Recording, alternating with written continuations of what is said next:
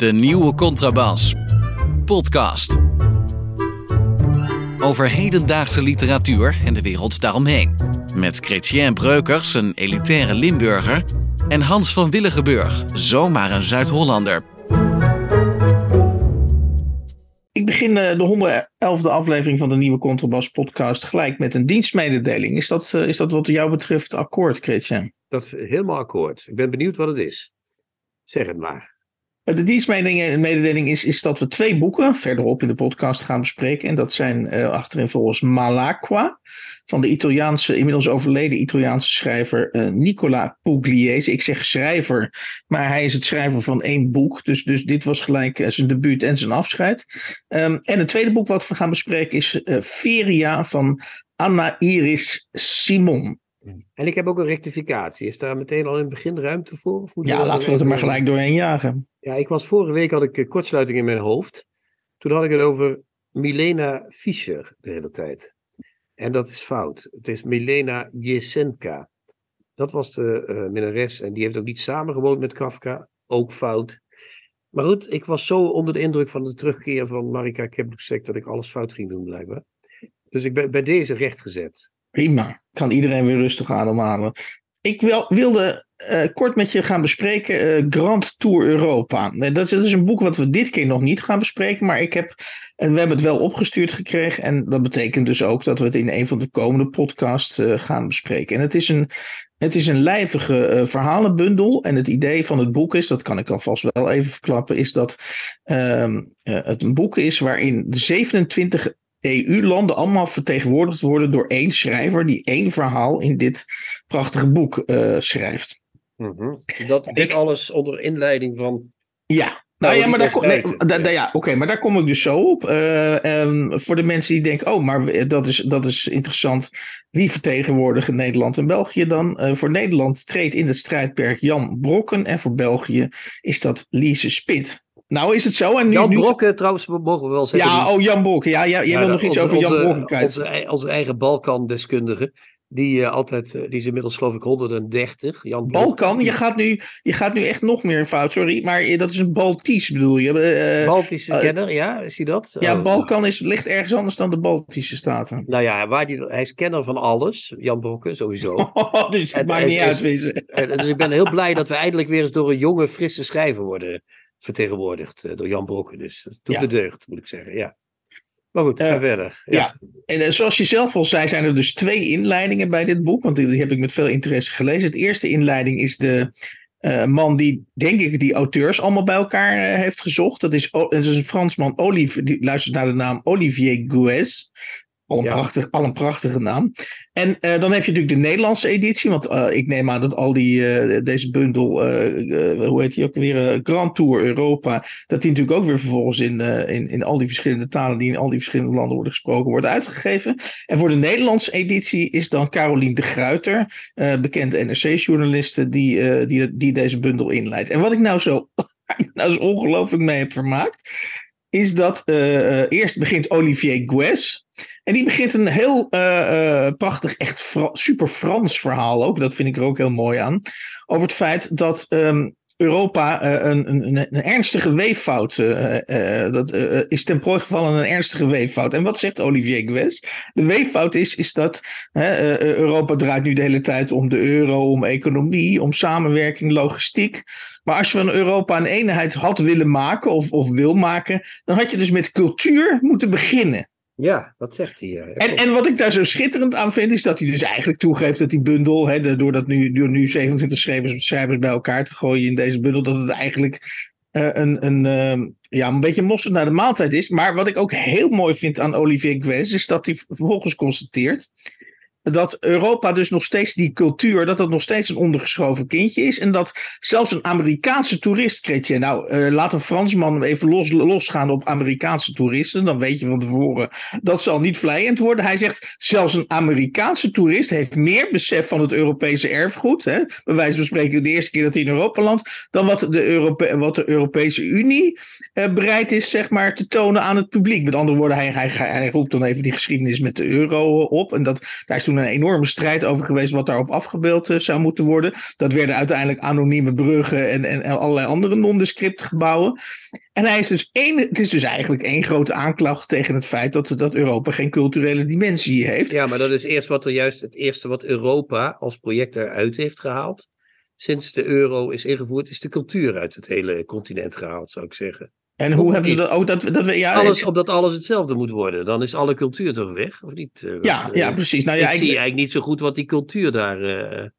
Ineens uh, doet. Die is juist, juist door Europa weggehaald, lijkt mij. Maar goed. Ja, maar Gues gaat dus nog verder. die zegt, alles wat er dan binnen de grenzen van Europa nog aan cultuurgoed is, of aan erfgoed, zelfs dat wordt volstrekt veronachtzaamd. Eh, terwijl dat juist uh, in principe een samenbindende factor zou kunnen zijn. Ja. Maar, maar, dan komt dus de, de, de, de, de twist. Dat, dus ik, ik geniet al heel erg van het van die Frans uh, een beetje identitaire invalshoek van jongens, we moeten als Europa een eigen culturele identiteit ontwikkelen, want dat zit er natuurlijk achter. Ja. Uh, maar dan komt, uh, dan komt dus Caroline de Geiter, dan, de, de Gruiter, dan komt dus het Nederlandse, de Nederlandse invalshoek. En Caroline de Gruiter, die heeft het binnen de kortste keren over de oorlog in Oekraïne. En dat we ons als, hè, ze zegt nog net, die jongens kanonnen en vliegtuigen bewapenen nu tegen Rusland. cultuur, ja, allemaal leuk, lief en aardig, maar we moeten ons nu tegen de grote boze, boze Russische beer gaan verdedigen. Waardoor die, nou. waardoor die, waardoor die uh, bundel in een hele ander daglicht komt, uh, komt te staan. Ja, maar, ik vond ze, het... zegt, nou, ze zegt zelfs letterlijk: als, je, als deze bundel één ding laat zien, is het wel dat de Europese cultuur springlevend is. Vreemd, blijkbaar toch wel. Ja. En hoe moeilijk het leven wordt, hoe meer er beren op ons weg komen, hoe dieper dat wordt gevoeld. En dan komt het, dat vind ik echt een kernzin, ook een typische Caroline de Guiter zin overigens. Mm Vroeger in de tijd die we misschien eens zullen omschrijven als de periode tussen de twee koude oorlogen, moest je Europa uit om je enigszins Europees te kunnen voelen.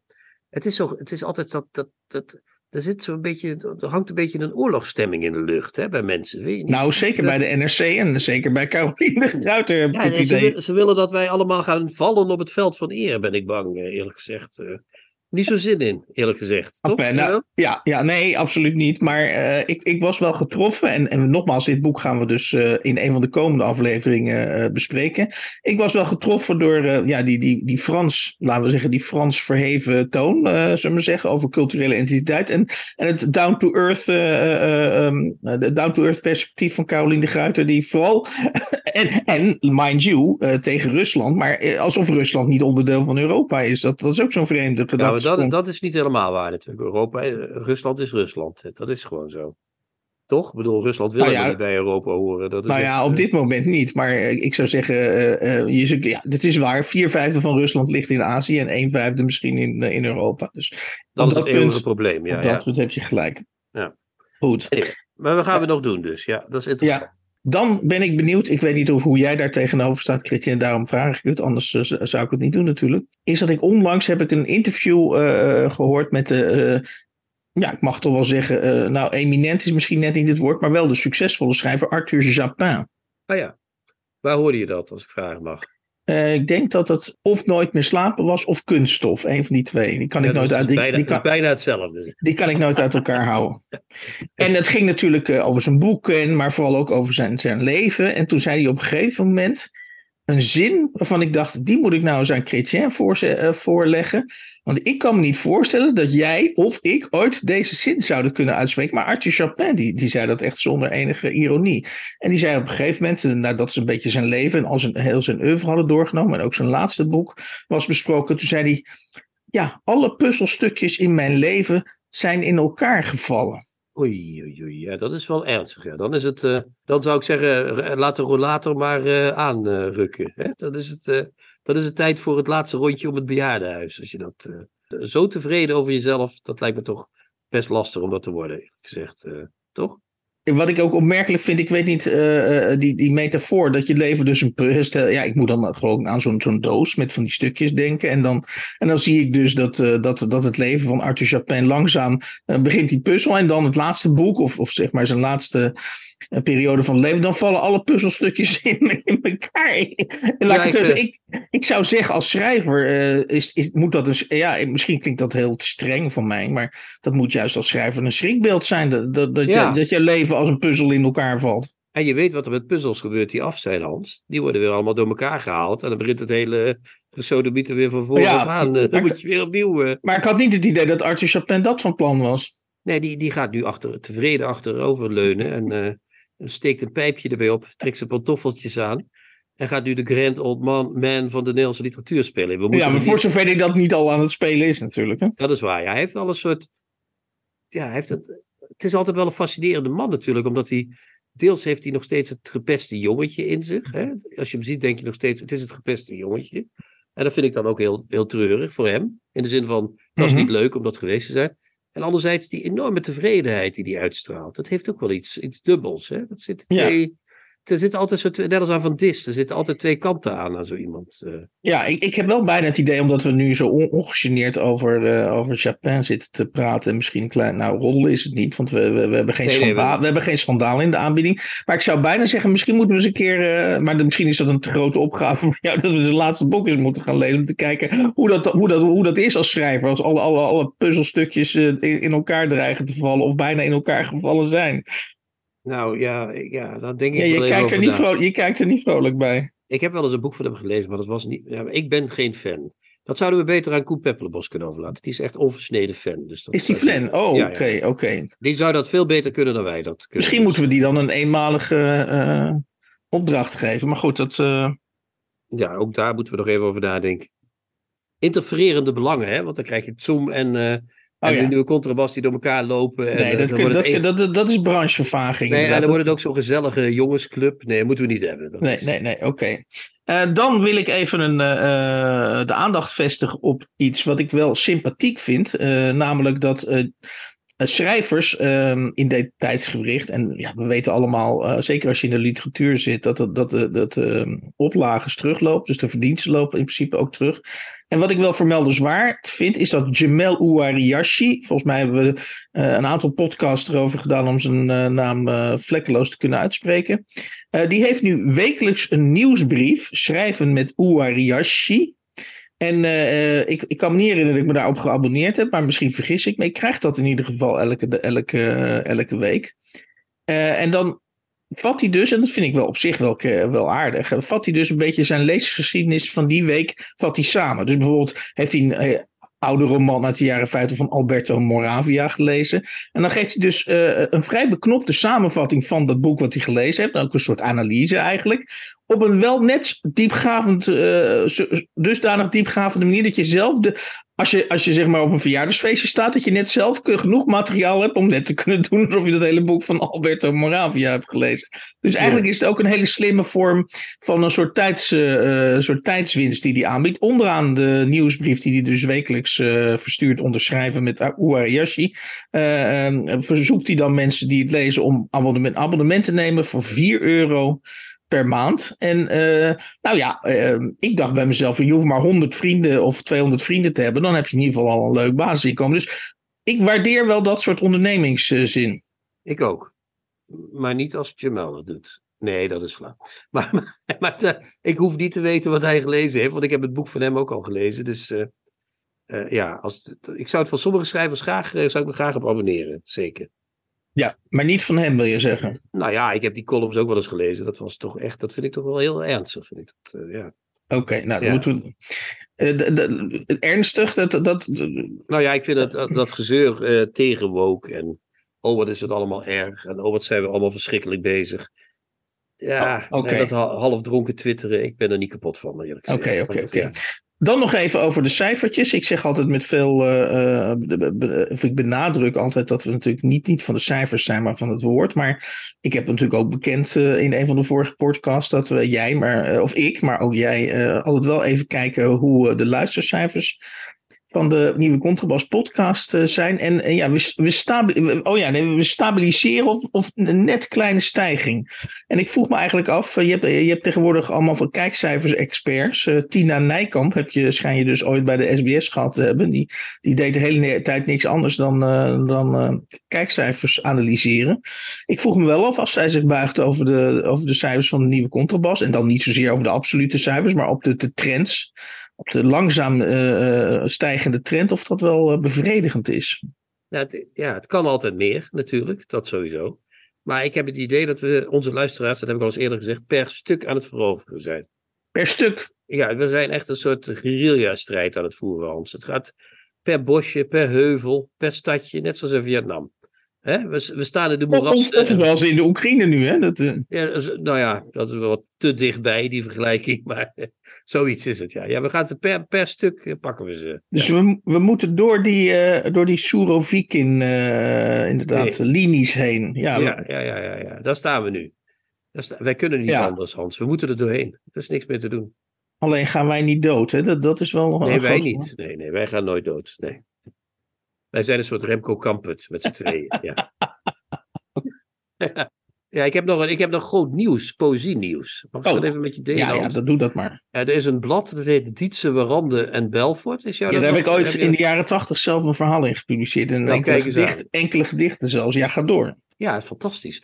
Eh, dat, is, dat bestaat nog steeds. Daar zitten slechte mensen zoals Frank Keizer en Jeroen Dega in. Dus daar kunnen we verder ook niks aan doen. Maar ondanks dat wisten ze het daar voor elkaar te krijgen om, en dat is voor het eerst in de jaren 15, nieuwe gedichten van Dirk van Bastelaren te publiceren. Ja, even korte toelichting op Dirk van. Want niet Dirk van. Baslaar. Ja, Vlaams postmodernistisch dichter, wordt er altijd gezegd. Wat ik een beetje rare omschrijving vind. Maar ik vind het zelf een hele grote dichter. Eh, bekend geworden met zijn eh, officiële debuut eh Pornschlegel en andere gedichten. Prachtige bundels geschreven zoals Diep in Amerika en Harts Wedervaren. Een, polemische figuur. Heeft eh, in een boek dat Woosh heette zo'n beetje de hele literatuur ondersteboven geschoffeld. Behalve hemzelf. Daarna een prachtige bloemlezing gemaakt, Hotel Nieuw Flanders, waarin hij de, Vlaamse poëzie eens eventjes opnieuw eh, georganiseerd heeft. oké. En eh, die was een pa- paar jaar weg. Hij heeft ook een beetje een controversiële, nou ja, voor Vlaanderen een controversiële keuze gemaakt. Want werd op een gegeven moment woordvoerder bij NVA, bij de partij van Bart de Wever. Dus hij raakte voor Vlaamse begrippen in wat rechtspolitiek vaarwater. En hij had nog een carrière volgens mij.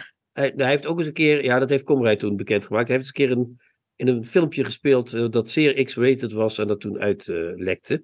X-rated, ja, ja, oké. Ja, je verspreekt het wat, wat, wat maar eh, X-rated, ja, oké. Ik X-rated. En dat was, eh, ja, dat, dat lekte, wat uitlek is trouwens een heel vies woord in dit verband. Maar goed, dat, eh, dat werd toen bekend en eh, dat hebben we ook nog allemaal mogen zien, ja.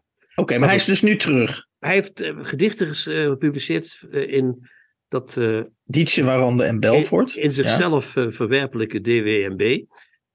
Berlijnse elegieën. Hij heeft ook in Berlijn gewoond. Prachtige gedichten. Hè, de, de Dunzer elegieën van Rielke in gedachten roepend natuurlijk. Hier bijvoorbeeld zevende elegie, Sebastian Straße 87. Ik heb het even opgezocht. Daar is de film Possession opgenomen. Weet je die nog? Met, Nata- met Tasha Kinski. En, oh, eh, die. Ja, ja, en ja. die ja. Engelsman, hoe heet het, die Amerikanen, heet die?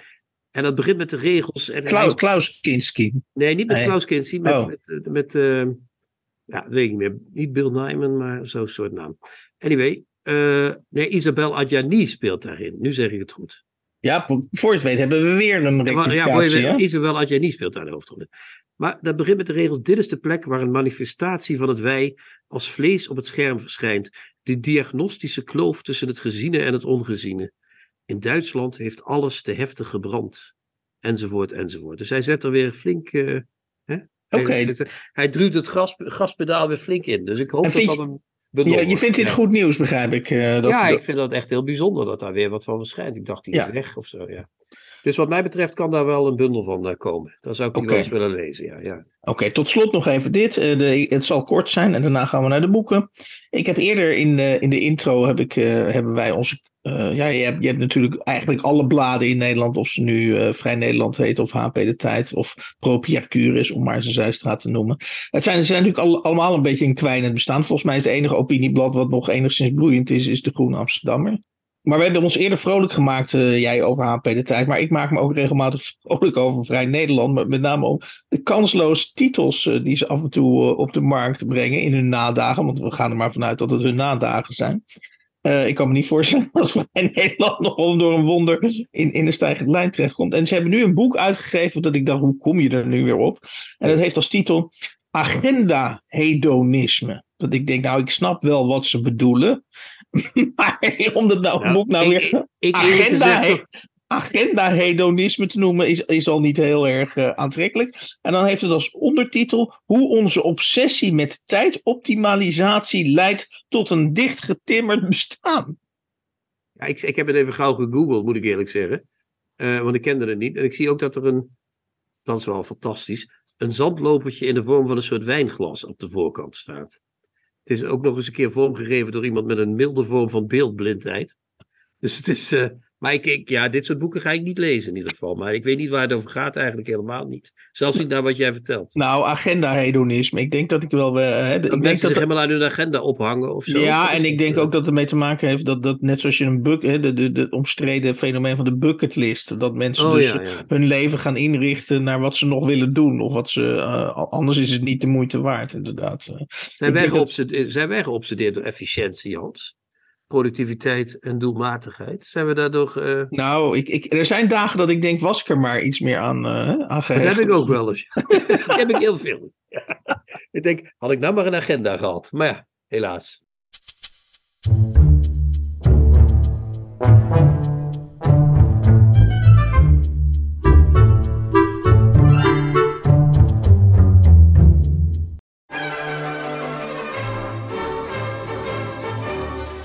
Wil je beter leren schrijven en ben je op zoek naar het gouden schrijfadvies? Natuurlijk ben je dat.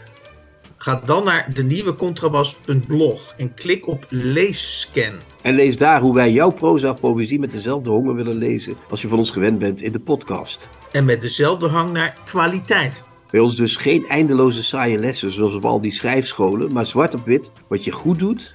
En waar je kunt of beter moet verbeteren. Dus wil je een stap maken naar het schrijven van literatuur? En snap je dat gezelligheidsclubjes daar niet bij helpen? Ga dan naar de leescan op de nieuwe contrabas.blog. En de leescan is ook geschikt om cadeau te doen. Tips van de week. Boeken, artikelen of pamfletten die boven het maaiveld uitsteken. Beginnen we nu aan, het, uh, aan, het hoofd, aan de hoofdmaaltijd van de podcast. Dat is altijd weer, dat zijn de twee boeken. Meestal zijn het twee uh, die we bespreken. Het eerste boek uh, pak ik even van de stapel. het heet Malacqua. Of ja, Malacqua, Malacqua denk ik. Ja, mijn Italiaans is ook niet meer wat het geweest is. Nee, dus, dus um, en dat is geschreven door Nicola Pugliese. Als ik, dat, ik denk dat je dat wel zo uitspreekt. En um, belangrijk om te weten vooraf is denk ik dat Nicola Pugliese was uh, uh, journalist. Uh, een groot deel of een deel van zijn leven. Heeft uiteindelijk maar één boek gepubliceerd. Dat is dus dit Malacqua. En dat was dus tegelijkertijd zijn debuut en zijn, en zijn afscheid in de literatuur. En wat ik wel een bijzonderheid vond, ook wel leuk om vooraf te vermelden, is dat het boek werd, tenminste dat, dat wordt een keer aantal keren benadrukt in de, in de volgens mij in de flaptekst, uh, dat het boek een succes was, maar dat hij dus actief heeft verhinderd. Hij vond uh, niet dat het boek herdrukt um, mocht worden. Dus dat, dat is wel echt heel, heel, heel bijzonder. Ja, er staat hier, hoewel de gehele eerste druk van het boek binnen enkele dagen was uitverkocht, werd het op verzoek van de schrijver pas na zijn dood weer herdrukt. Na zijn dood, oké. Okay. Ja, en het boek is verschenen voor de mensen die uh, nu nieuwsgierig zijn geworden. En straks misschien nog nieuwsgieriger worden. Het boek is verschenen in volgens mij 1977, volgens mij. Ja, in het Italiaans dan. Hè? En nu is het voor het eerst in het Nederlands. Ja, en het boek, uh, nog even iets vooraf. Ja, het is, een hele, het is even een hele lijst. Uh, het is vertaald in het kader van het Schwab-project. En Schwabs, Ja. dat zijn. Uh, dat is een project dat uh, vergeten, klas, vergeten klassiekers uit de literatuur opvist. Of probeert op te vissen. Dus er gaat wel een. Uh, dat, daar komen natuurlijk slechts enkele boeken voor in aanmerking. Dus als het opgevist wordt door het Schwab-project. dan heb je meestal. Niet altijd, maar meestal heb je wel met een echt bijzonder boek te maken. Maar dat, dat, dat gaan we nu even voorleggen aan Chrétien. Is dit een heel bijzonder boek? Nou, ik wil eerst nog wat over dat Schwab zeggen. Ze doen wel eens bijzondere dingen. Mm-hmm. Dit, en dit is niet eerder vertaald. En daar was het ook eigenlijk volgens mij voor bedoeld. Maar ze brengen ook wel eens uh, van die gewoon opgefriste klassiekers uit. Zoals dat uh, bier in de snoekerclub wat we toen gedaan hadden. Dat was gewoon oh, ja. al in de jaren negentig in het Nederlands verschenen. Dus in zekere zin was dat een beetje, viel dat... Ze, ze, ze, zijn, niet, ze zijn erg ledig met hun eigen regels, mag je wel zeggen. Dat is okay. wel zo. Ja. Uh, is dit trouwens echt door het Schwab? Staat het er ook in? Ja, ja, dat is een Schwab, uh, in het Schwab-project uh, vertaald. Oké, okay, nou, ja. fijn. Het is een bijzonder boek. Is het een bijzonder boek? Ja, het is een bijzonder boek.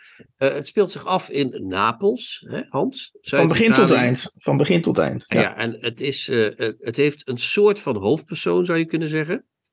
Die man die heet Carlo Andreoli. Die is, verrassing, verrassing, journalist. Een melancholische journalist, zegt de flaptekst. Iets, iets waar ik al van moet huiveren en beven als ik dat lees. Maar goed, dat zal wel.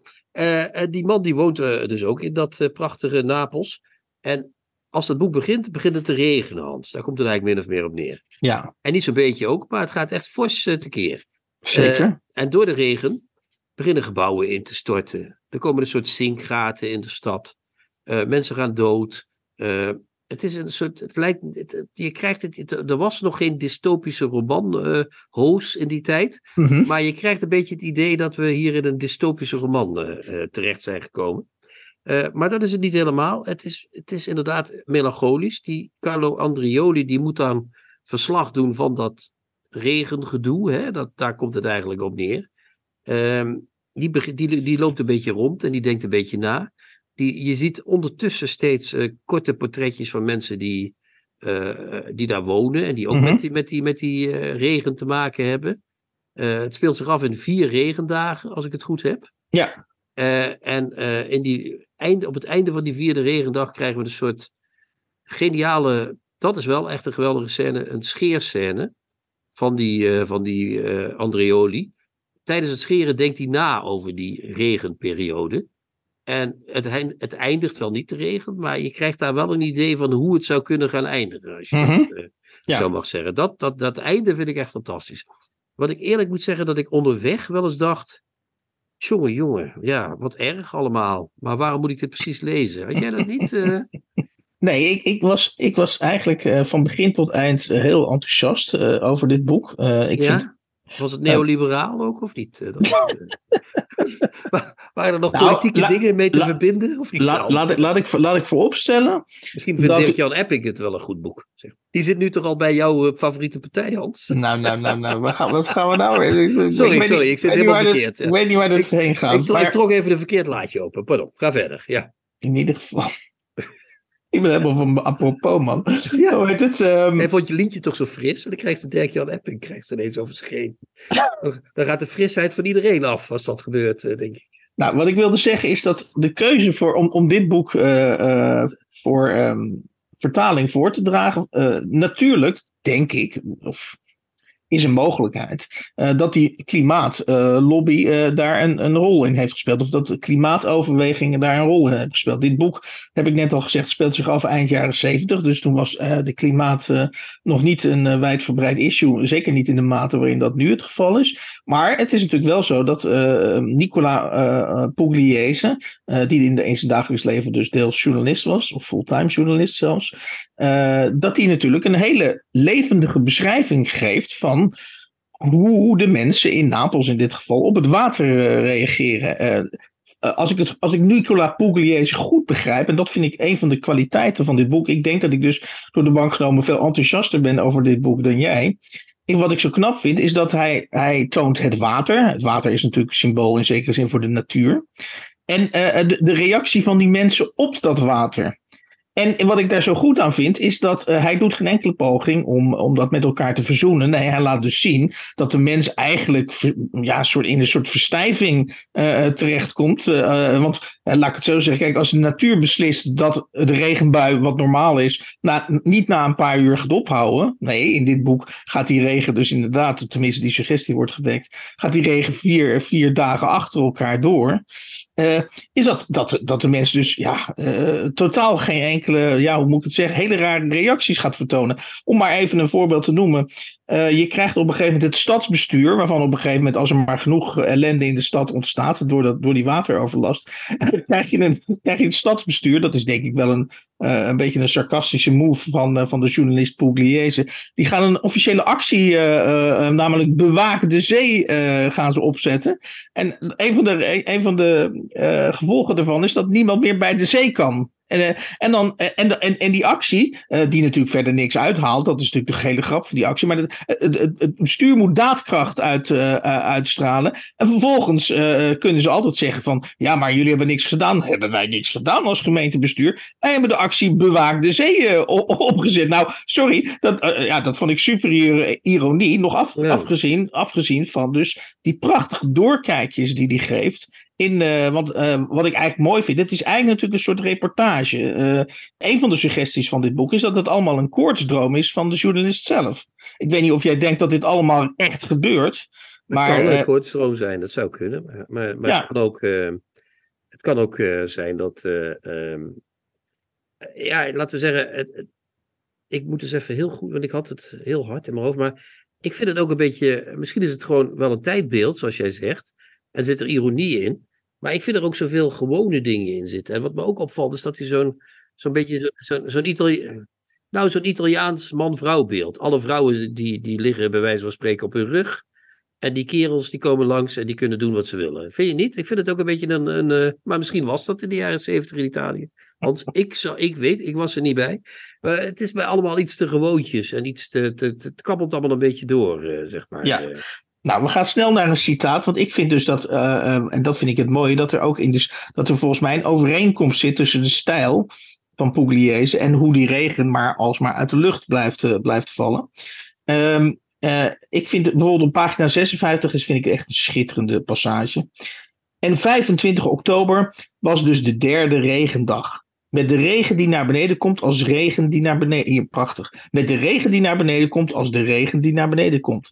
En er was niks aan de hand. Niks in de straten van deze stad waar niks aan de hand was. Alleen een voorgevoel misschien. Ja, een voorgevoel. In elk geval heel duister en vaag en heel zwak. Moeilijk te interpreteren en ook te voelen. Ja, eigenlijk voelt niet iedereen het. Niet iedereen. Voor sommigen is alles nog precies hetzelfde als eerst. Alleen het beetje regen dat naar beneden komt. Er is een gebouw ingestort, een gezinkgat ontstaan. Maar al met al, niets nieuws, niets buitensporigs. Al met al. Dit is dus precies, hè, hij beschrijft hier eigenlijk van. Het is natuurlijk waanzinnig wat er gebeurt, maar we geven er niet aan toe. We doen net alsof alles doorgaat. Want we weten maar al te goed dat er dingen instorten en er zinkgaten ontstaan als het regent. En mensen bellen de brandweer en de brandweer schiet hulp. En soms valt er een dode bij. Ja, oké, dit keer zijn er zeven doden. Een vreselijke gebeurtenis. Oké, tragische gebeurtenis. Maar ook nogal wiedes in zekere zin vanuit het aloude perspectief van een stad die zijn leven in voortdurende schaalvergroting leeft. En als er meer kinderen komen en meer werklozen en meer vrouwen midden op straat en meer mensen die het moeilijk hebben, waarom dan ook niet meer doden? Ja, het is mooi, je hebt gelijk. Het is, ik vind het niet lelijk. Ik ben ja. Misschien, ja, misschien is er iets gebeurd deze week in mijn leesgedrag waardoor ik. Uh, ik weet niet wat het is, maar ik, ik, ik kreeg er geen contact. Maar dit losse stukje, moet ik zeggen, is aardig. Ik, uh, ja. Ik genoot ook van, hij heeft ook een portretje van, uh, van een dichter, uh, Pas, die trouwens met de prachtige naam Pasquale de Crescenzo. Oh, ja. Dit is uh, Pas, Pascal Moog, zeg maar. Die gaat voorlezen uit gedichten. Oh ja, ja, ja. En dat is komen, mooi, ja. er komen maar twintig mensen, dus die man ergert zich helemaal kapot dat er niemand komt door, de, door het water natuurlijk ook. daar heb ik ook op 88, dat vond ik wel mooi. Enfin, er hing dus een stilte in de zaal. En er was zelfs, samen met het klagelijk geluid van het water dat naar beneden kwam, een discreet gepruttel te horen in de bar van de espresso-machine. Pasquale de Crescenzo zei tegen zichzelf dat het in zulke omstandigheden het beste was om de glazen deur tussen de zaal en de bar dicht te doen.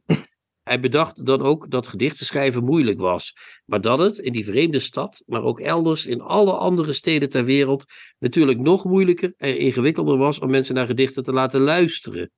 Want er hoeft maar iets ongewoons te gebeuren, zoals dit, het discrete gepruttel van de espresso-machine, of je bent afgeleid. Afgeleid en van de dichtregels weggeleid. Want Pasquale de Crescenzo had het dan ook bij meerdere gelegenheden gemerkt. Het leven was de dichtkunst vijandig gezind, intens vijandig. Het leven is extreem concreet en tastbaar. Wat zich niet verstaat met poëzie, die verdraagt het niet. Kijk, kijk, nou ja, kijk, kijk. Dat kijk. is mooi, maar het is ook een beetje. Eh, dat is mooi, ik vind dat ook een mooi stuk, maar ik vind het ook een beetje een nonkel uh, Pugliese vertelt verder. Toch? Ja, ja oké. Nou ja, daar denken we dus verschillend over. En je had het net over uh, de, de 1977 is premie toe. Dat is dan het laatste citaat, want daarna gaan we door naar het volgende boek. En dat komt dan heel mooi in pagina, op pagina 92, 92 tot uiting. En dan gaat het dus inderdaad, dan zitten we midden in het boek. Dus dan is de, is de regenbuien zijn op een hoogtepunt. Met het smoesje dat de bus zo slingerde, slingerde, zich af en toe tegen, ze zich af en toe tegen de werksters aan. Uh, de werkers dus. Maar de werksters kenden het spelletje inmiddels, kenden het spelletje inmiddels en hielden hun achterwerk in en staken het niet meer naar achteren. Oh nee, ze stonden juist met hun billen strak opgesloten tegen de koude metalen wanden van de grote bus aan. En af en toe voelden ze toch nog een hand, maar dat was eigenlijk niet zo erg. Het ging erom dat het geen maniale kale obsessie werd of ziekelijke proporties aannam. Uiteindelijk is een mannenhand op je kont voelen, hoe vunzig ook, nog altijd een eerbetoon, een blijk van waardering. Goed, er waren dus, zoals dat heet, grote problemen met het openbaar vervoer. Ja, ik vind dat, ik vind dat toch niet grappig, het spijt me. Ik, ben, ik, ik zeg niet dat, ik, ik zeg niet dat ik dat grappig vind, maar... Ja, maar ook, ook het is allemaal zo... zo het is, wat, ik, wat, ik, wat ik vreemd vind, is dat die vrouw die dat vertaald heeft, die heet Anne Macht Pilon. Ja. Die is helemaal laaiend over dat boek. En ik denk echt, het is nog een jonge vertaler, zegt ze zelf. Uh, als dat een, uh, witte man uit deze tijd was geweest, had ze het boek afgekeurd, denk ik. Ik, ik vind het een vreemd... Uh, ik vind het een vreemde discongruentie tussen die stijl, die soms heel goed is, en dat, dat verschrikkelijke jaren zeventig wereldbeeld. Ook dat weemoedige van die journalist die alsmaar als een soort Lucky Luke uh, naar verre verte gaat om reportages te maken. Dat, dat, dat valse beeld van, van journalistiek. Maar dat doet hij toch juist, dat laatste snap ik niet, want dat doet hij toch juist niet. Hij gaat toch niet, hij verlaat Napels toch niet? Nee, maar hij gaat wel al die mensen beschrijven en al die mensen die daar wonen. En dat is, ja toch het reportage-element van dit boek, als ik het goed uh, begrijp. Ja. Ja, en dat, dat, dat blijft allemaal hangen in de, in de mannen doen dit en de vrouwen die zijn beschikbaar. En ik vind het een beetje, ja, ik weet het niet. Ik vond het een flauw boekje. Maar goed, Oké. het, ligt, nou, ja. het ligt aan mij. Het ligt aan mij. Ja. Ligt een beetje ook aan Nijmegen misschien. Oh ja, goed. dan gaan we zo beginnen. Maar goed. Ja, sorry. Als, jij, als jij ook Dirk-Jan Epping begint, sorry. Ja, ja, dat, dat is waar, ja, ja. Dan zal ik wel weer die ene zijn van GroenLinks. Hoe heet die man? Met die rare, ongekamde haren. Hoe heet hij toch weer? GroenLinks? Ja, nee, ja, hoe heet hij toch weer? Zo'n wethouder hier. Uh, gemeenteraadslid. Die een beetje onduidelijk praat ook. Ach, oh, Huub Bellemakers. Ja, die. Ja, dat ben ik. Oh, oké. Okay, ja. ja. Ben jij okay. die? Ja.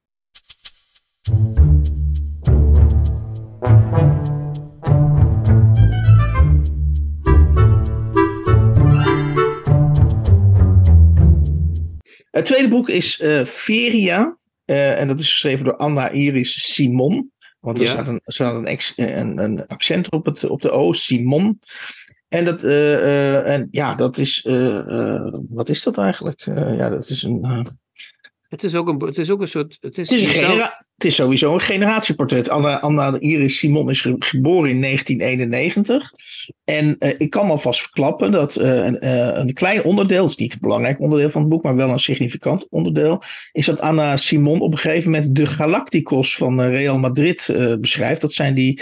met Beckham, met Beckham. Ja, met, dat zijn de, zeg maar op dat moment metroseksuele voetbal, of in ieder geval voetballers die zich een metroseksuele imago aanmeten. daar gaat ze vrij uitgebreid op in. En dat geeft meteen ook de sfeer van dit boek aan. Namelijk, je kunt in dit boek haar leven, wat dus in 1991 begonnen is, kun je dus beetje stap voor stap kun je dat allemaal volgen. En uh, daarmee geeft ze dus, en daar doet ze uh, ook niet moeilijk over, daarmee geeft ze dus een tijdsbeeld uh, aan. En dat tijdsbeeld begin, want ik, vind, ik hecht er wel aan om, om gelijk met de, de eerste zin van het boek te beginnen. En dat vind ik een hele sterke eerste zin.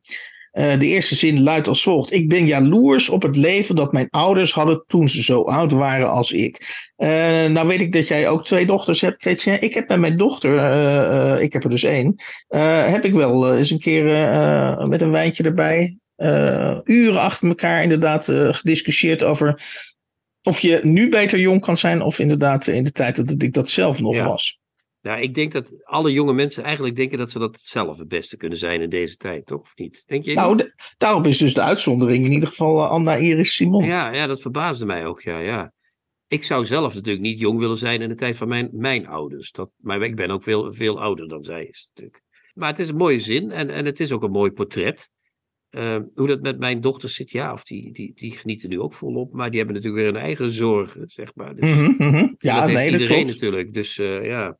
Ik had ook wel zorgen, maar heel weinig herinner ik me van toen ik. Uh, ja, maar dat is dus ook waar, uh, waar het over gaat. Uh, tenminste, dat is denk ik ook waar Anna Iris Simon, die, waar, de, waar dit boek over gaat, is dat van de weeromstuit, alles wat we ons. En dan komt dan even het. Sorry, ik kreeg je even het neoliberalisme hier toch even om de hoek piepen. Ja. Ja, zeker. Uh, uh, dat, dat hij ons een vrijheid heeft voorgespiegeld, met name een keuzevrijheid, waarvan iedereen aanvankelijk dacht dat het de, de paradijs op aarde zou worden, maar waarvan de generatie van Anna Iris Simon nu zegt, ja, is dat niet een, is dat niet een heel bitter geschenk uh, gebleken, dat, die keuzevrijheid? En dat is het sterke punt van dit boek, inderdaad. het gaat over iemand begin jaren negentig geboren, een millennial dus, hè? Mm die, die, is geboren, staat uh, ook op de achterflap van het boek, maar die is geboren in de streek waar Don Quixote uh, tegen windmolens vocht. Hè? La Mancha. La Mancha. ze had, en dat beschrijft ze ook in het boek heel mooi, van haar moederskant, haar grootouders stonden op de kermis. De ferie, dat is de feria, hè? De, de fair, de voor, zoals ze in België zeggen. Um, uh, die hadden een kraam met speelgoed en zo. En dan ging ze mee naar de kermis in de zomer en jaarmarkten in de rest van het jaar. Uh, uh, haar vader was, geloof ik, vaderskant waren ze communisten, hè? Waren, waren het, arbeiders, communisten. Ja. Um, die, die, het woord Franco, dat was nog net niet genoeg om zelf aan de wurgpaal terecht te komen. die waren echte hardcore communisten, die, die, Mhm. die mensen. en zij die uh, Anna's Iris, die wil natuurlijk zich op een gegeven moment van die, zoals alle jongeren, gaat zich een beetje ontworstelen aan die, aan die afkomst. Hè? Dat is het mooie van het boek. Dan gaat ze naar Madrid. Uh, en daar begint ze uh, zich eerst een beetje te schamen voor die eenvoudige afkomst. Maar op een gegeven moment, en daar beschrijft ze in dat boek ook een beetje, dat proces, gaat ze min of meer terug naar die streek. Sterker nog, ze gaat er weer wonen. ze wordt steeds meer betrokken bij die familie. Ze merkt steeds meer, ik ben helemaal niet thuis in Madrid. Ik ben niet iemand voor, voor, de, voor de hoofdstad. Nee, dat La Mancha, daar, daar hoor ik thuis. op die kermis, in dat, in dat gezin. En wat ik daar mooi aan vind, is dat, dat ze dus heel, vind ik op een hele mooie, uh, heb ik in ieder geval van genoten, van de manier waarop ze dat portretteert, is dat dat stadsleven dus uiteindelijk heel, uh, ja, uiteenvalt in abstracties. En dat ze juist dat zintuigelijke, dat beschrijft ze ook heel mooi, van, van, van, van het leven van haar ouders en haar grootouders, de geur van het brood, alles wat bij die, bij die kermis komt kijken, kleding, textiel, dieren. Geluiden, van, die, van die muziekgeluiden. Ja, precies, precies. dus, ze komt van er weer om. Hè? Dus je hebt, je, hebt, je hebt die discussie over tegenwoordig over somewheres en anywheres. Nou, uh, ze, ze, is dus van oorsprong een somewhere. Dan wordt ze in Madrid een anywhere. En dan komt ze al op dat anywhere in Madrid. Denkt ze, nee, ik, ben, ik, ik, vind, ik prefereer, of in ieder geval, ik voel me aangetrokken tot dat somewhere. En zoals ik net al zei, ze is, uh, ik vind juist die ook net als bij Pugliese ben ik enthousiast juist over de journalistieke precisie die ze af en toe tentoon, uh, tentoonspreidt. Dat komt heel mooi naar voren in, op pagina 36, want dan, dan kunnen we dus heel precies lokaliseren in de tijd, want dat was van de invoering van de euro, dat was in 2002, toen was uh, Anna Iris Simon dus 11 jaar.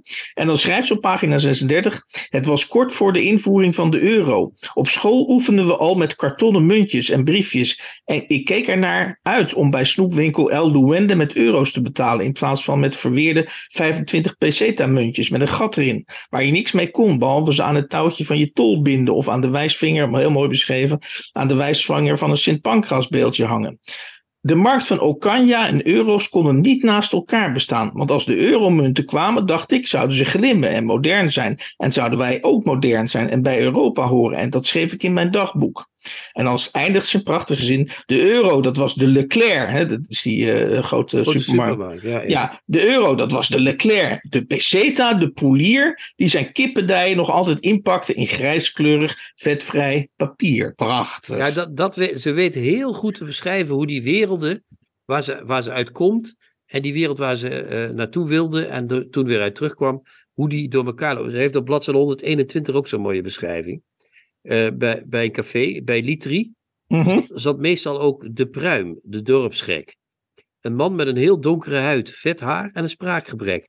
Over wie in Ontigola werd gezegd dat de prostituees in het bordeel een handdoek om zijn lid bonden als slap, omdat hij een colaglas kon vullen en dan nog ruimte tekort kwam. Mm -hmm. Sorry. Ze zeiden ook dat hij iets had met Vanessa, met de snor, zijn vrouwelijke evenknie. En als ik haar in het park of op het plein zag, vroeg me altijd af of zij hem ook een handdoek omdeed. Uh, want dat van die handdoek wist ik al toen ik heel jong was. Als klein meisje weten hoe de pruim geschapen is en dat hij intiem is met Vanessa, met de snor, hoort er ook bij als je van het platteland komt. Als je opgroeit in een dorp met duizend en nog wat inwoners. Het is niet, het is niet alleen schone lucht en iedereen groeten en erop uitgaan met je step en pas terugkomen als de zon ondergaat. Begrijp je wat ik bedoel? Ja, ja, ja, ja, ja, ja. Ik het ben, is ja. niet alleen idyllisch, maar je hebt ook de hele dag die, die halve gekken daar eh, die je ziet rondlopen en eh, waar van alles over verteld wordt. ja, En, en toch kiest ze voor die wereld. Dat is natuurlijk het mooie van dit boek, eh, vind ik eerlijk gezegd. Nou ja, ik heb, ik heb nog een passage, Hans. Dat stel waar, de, waar Anne, sorry, waar ah ja, Anna Iris van is. Eh, die eh, gaat op een gegeven moment gaat dat in de relatietherapie. Want het is de moderne tijd, is toch ook in La Mancha aange, a- aanbeland, zou je kunnen zeggen. En dan moeten die twee, eh Anna Mari en haar vader, die moeten dan. dus de moeder is Anna Mari en de vader is steeds haar vader, hè, want dat is ook een beetje een ja. ding in dat boek. Nou, die moeten van de relatietherapeut dingen op briefjes schrijven die ze graag zouden zien dat de ander deed. En, en dat, dat, dat dat eens een keer gebeurde. En dat, dat, hè, dan schrijft Ja. die vader, en dat vind ik een prachtige scène. Op een van mijn vaders papiertjes stond minstens één positieve opmerking maken over Fidel Castro. Zo schitterend. Als dat je wens is, waarom zou je scheiden, denk je dan? Maar goed, op een ander, zonder te klagen, naar een Clint Eastwood film kijken. Annemarie vond dat zij veel nobeler activiteiten in de pot had gedaan. Zoals een wandeling maken met haar en mijn broer, nog een baby in de tuinen van Aruanges. Eh, de tuinen die componisten als eh, Joaquin Rodrigo en dichters als Valle Inclán hadden geïnspireerd. Maar je vader kon niks beters bedenken dan Fidel Castro en voor de zoveelste keer The Good, The Bad en The Ugly. Nou ja, dat, is toch, ik vind dat, dat vind ik ook humoristisch. Als ze dat Ja, ja, en dan is, is wat mij betreft Anna Iris Simon, maar dat, dat, ze schijnt enigszins omstreden te zijn in Spanje. En dat, dat, dat spreekt wat mij betreft in haar eh, voordeel. Nou, ze, ze bekent op een gegeven moment in dit boek dat ze eigenlijk stiekem van dro- droomt dat ze een trophy wife. eh, moet, ik dat, moet, ik dat nog, moet ik dat nog uitleggen? Dat, Nee, term? dat hoef je niet uit te leggen, die term. Dat weet iedereen En tegenwoordig. dat ze er stiekem van droomt dat ze een trophy wife eh, is. Eh, dus dat is natuurlijk hartstikke fout in de, in de, in de ogen van de politiek correcte groegemeente. Oh, maar, dan ja. schrij- maar dan schrijft ze dus in, na die relatietherapie, die inderdaad eh, vrij eh, hilarisch is, die, die dingen die ze in die pot stoppen.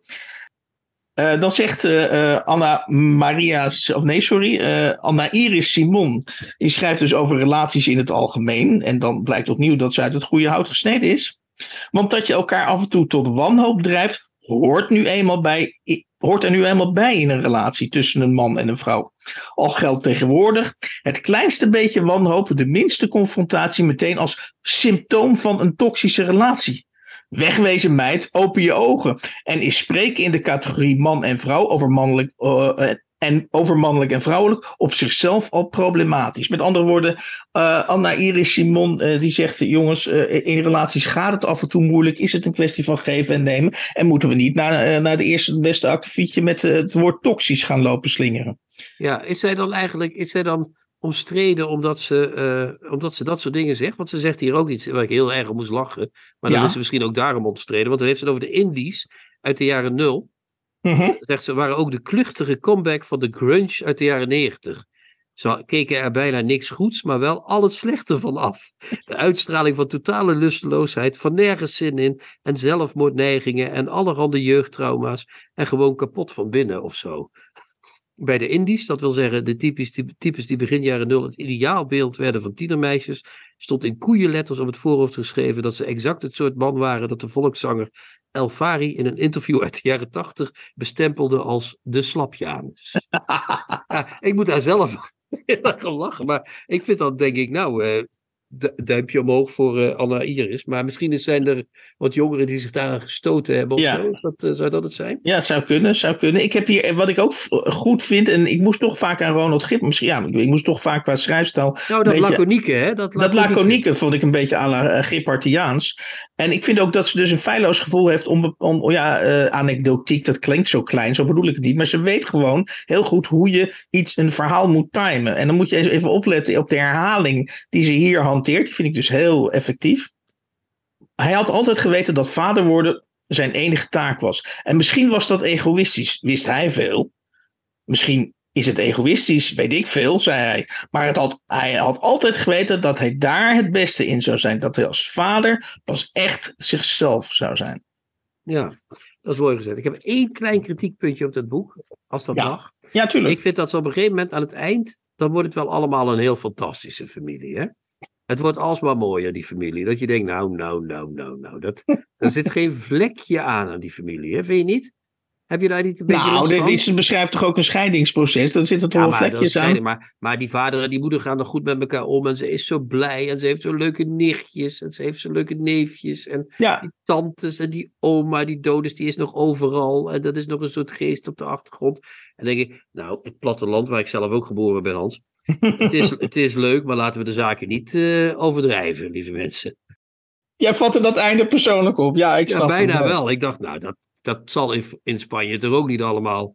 Ja. Dat, dat, dat weet ik niet hoor. Dat, dat, dat, toen dacht ik, nou maak je er misschien een iets te mooi plaatje van. Dat kan, dat kan. Ik, ik heb als slotopmerking dat eh, ik vind het dus een eh, fantastisch boek. Ik heb het met heel veel plezier gelezen. Het is echt een eh, journalistiek talent. Ik denk, ja, als, als, ik, als ik in Spanje zou wonen en ik zou Spaans beheersen, dan zou ik alle reportages en stukken van de Anna Iris Simon gaan lezen. Maar dat, daarmee heb je inderdaad ook, en nou ja, dat, dat is ook een beetje mijn kritiekpunt. Dit verbleekt misschien wel hè, net zo snel als de kranten waarin ze schrijft. eh, in de zin dat, ja, dit is natuurlijk een soort tijdsbeeld. Dus over 20, 30 jaar eh, eh, is dit, is, staat dit niet meer overeind. Waar Nicola Pugliese met zijn overstroming door Napel, in Napels, denk ik nog wel even stand houdt. Ja, daar had ik zelf dan ook alweer wat. Nou wordt het wel heel somber aan het eind. Hè?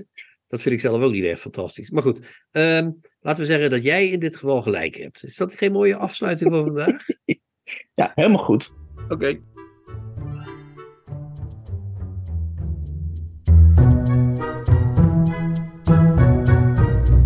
De nieuwe Contrabas.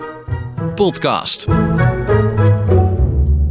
Hans, vorige week hè, hadden we het over eh, Zin en Dictatuur. Jouw eh, Ja. vorig jaar verschenen roman eh, van de Zeven Wereldzeeën, zoals Gerard Reven zou zeggen. Ik zou bijna zeggen een standaardwerk over het neoliberalisme. En over dictatuur natuurlijk, niet te vergeten. Yes. Ook. Maar je hebt nog een andere roman geschreven, Hans. Jaartje daarvoor of twee jaar daarvoor. Ja, twee, in 2020. En een hoe, roman heette, die hoe heette die toch ook alweer? Wat was Ja. dat? houden van Trump.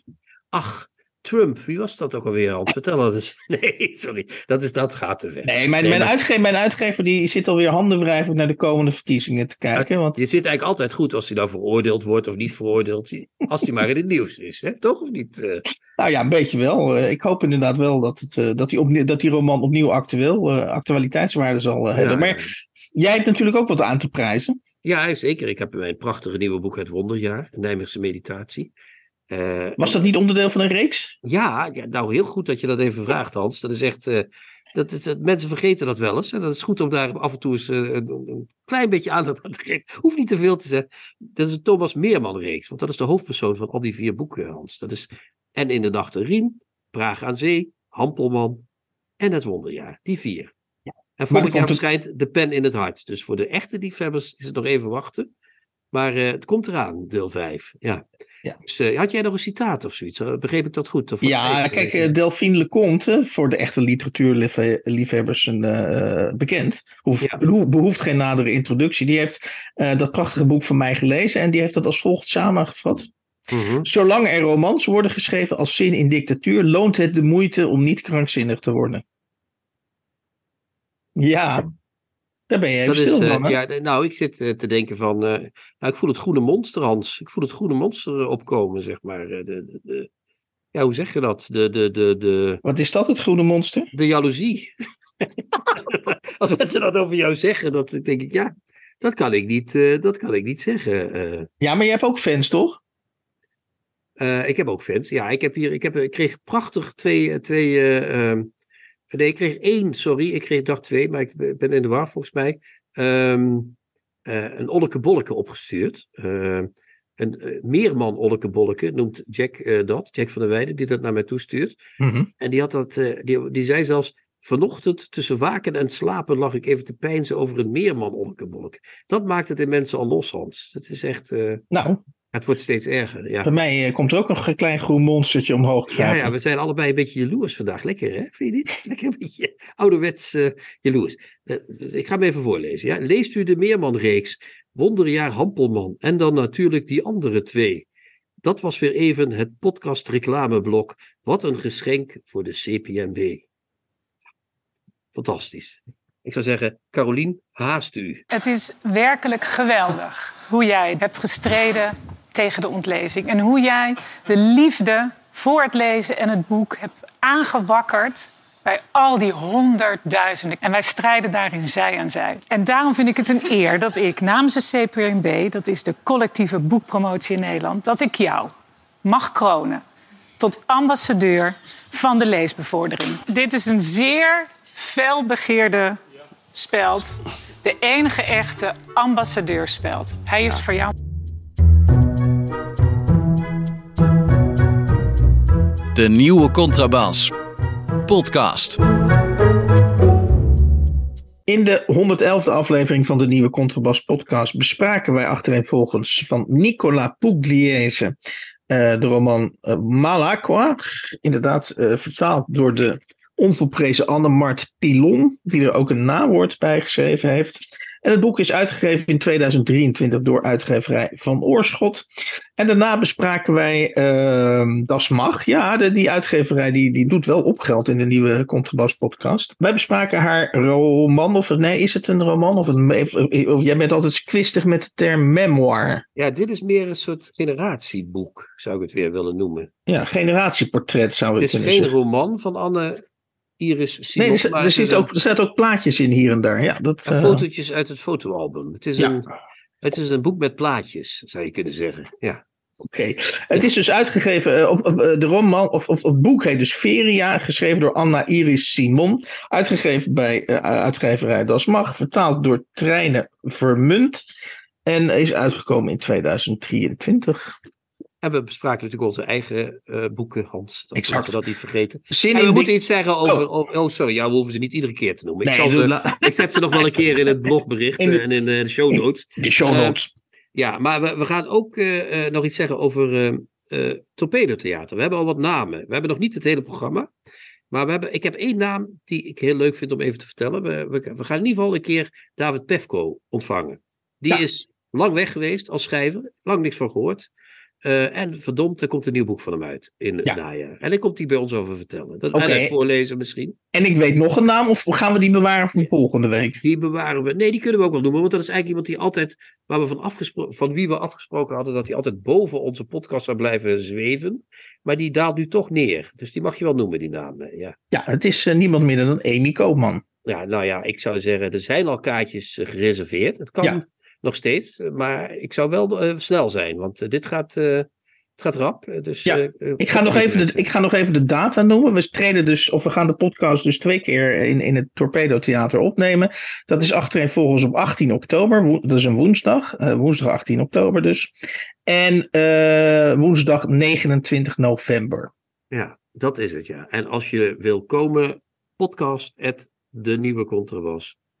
denieuwecontrabas.blog. Daar kun je die kaartjes reserveren. En nogmaals, er zijn al kaartjes. Het loopt langzaam op. Er zijn slechts 18, pla- 18 plekken. Nou, Dus, er zijn er eh, iets meer, maar bij 18 zitten we goed. Dus eh, er zijn er geloof ik in totaal iets van 4, 25 of zo. Maar dat, moet, dat, dat komt vol de komende de- weken. Daar zit ik, eh, Nou ja, dan moeten we nog wel even. hè? ja, maar dat, er zijn, ach Hans. Het zijn ook verlegen mensen waar, die naar ons luisteren. Die durven niet meteen eh, naar podcast.nieuwecontrabas.blog te mailen. Maar dat komt allemaal goed. Komt allemaal goed. Tot Mooi. die tijd zeggen wij ciao ciao, lieve mensen. Tot de Tjoe, volgende keer. Tjoe, tjoe, tjoe. Kijk jij ook elke week uit naar de nieuwe Contrabas podcast? Voeg dan de daad bij het woord en word officieel supporter. Dat kan al vanaf 1 euro per week, oftewel 52 euro per jaar. draag je ons een heel warm hart toe. Dan kun je ook Golden Supporter worden voor 104 euro. En Platinum Supporter voor 208 euro per jaar. En wat krijg je daarvoor terug? Dan luister je met nog meer plezier naar ons uitgesproken geluid wekelijks over literatuur. En wat je ook geeft, ga naar gofundme.denieuwecontrabas.blog. Nog één keer? gofundme.denieuwecontrabas.blog. Hup, hup, hup. Hup.